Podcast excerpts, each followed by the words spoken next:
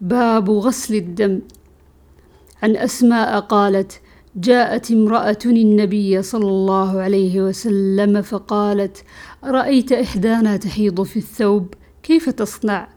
قال تحته ثم تقرصه بالماء وتنضحه وتصلي فيه وعن عائشة قالت جاءت فاطمة ابنة أبي حبيش إلى النبي صلى الله عليه وسلم فقالت يا رسول الله إني امرأة أستحاض فلا أطهر.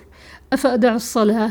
فقال رسول الله صلى الله عليه وسلم لا إنما ذلك عرق وليس بحيض.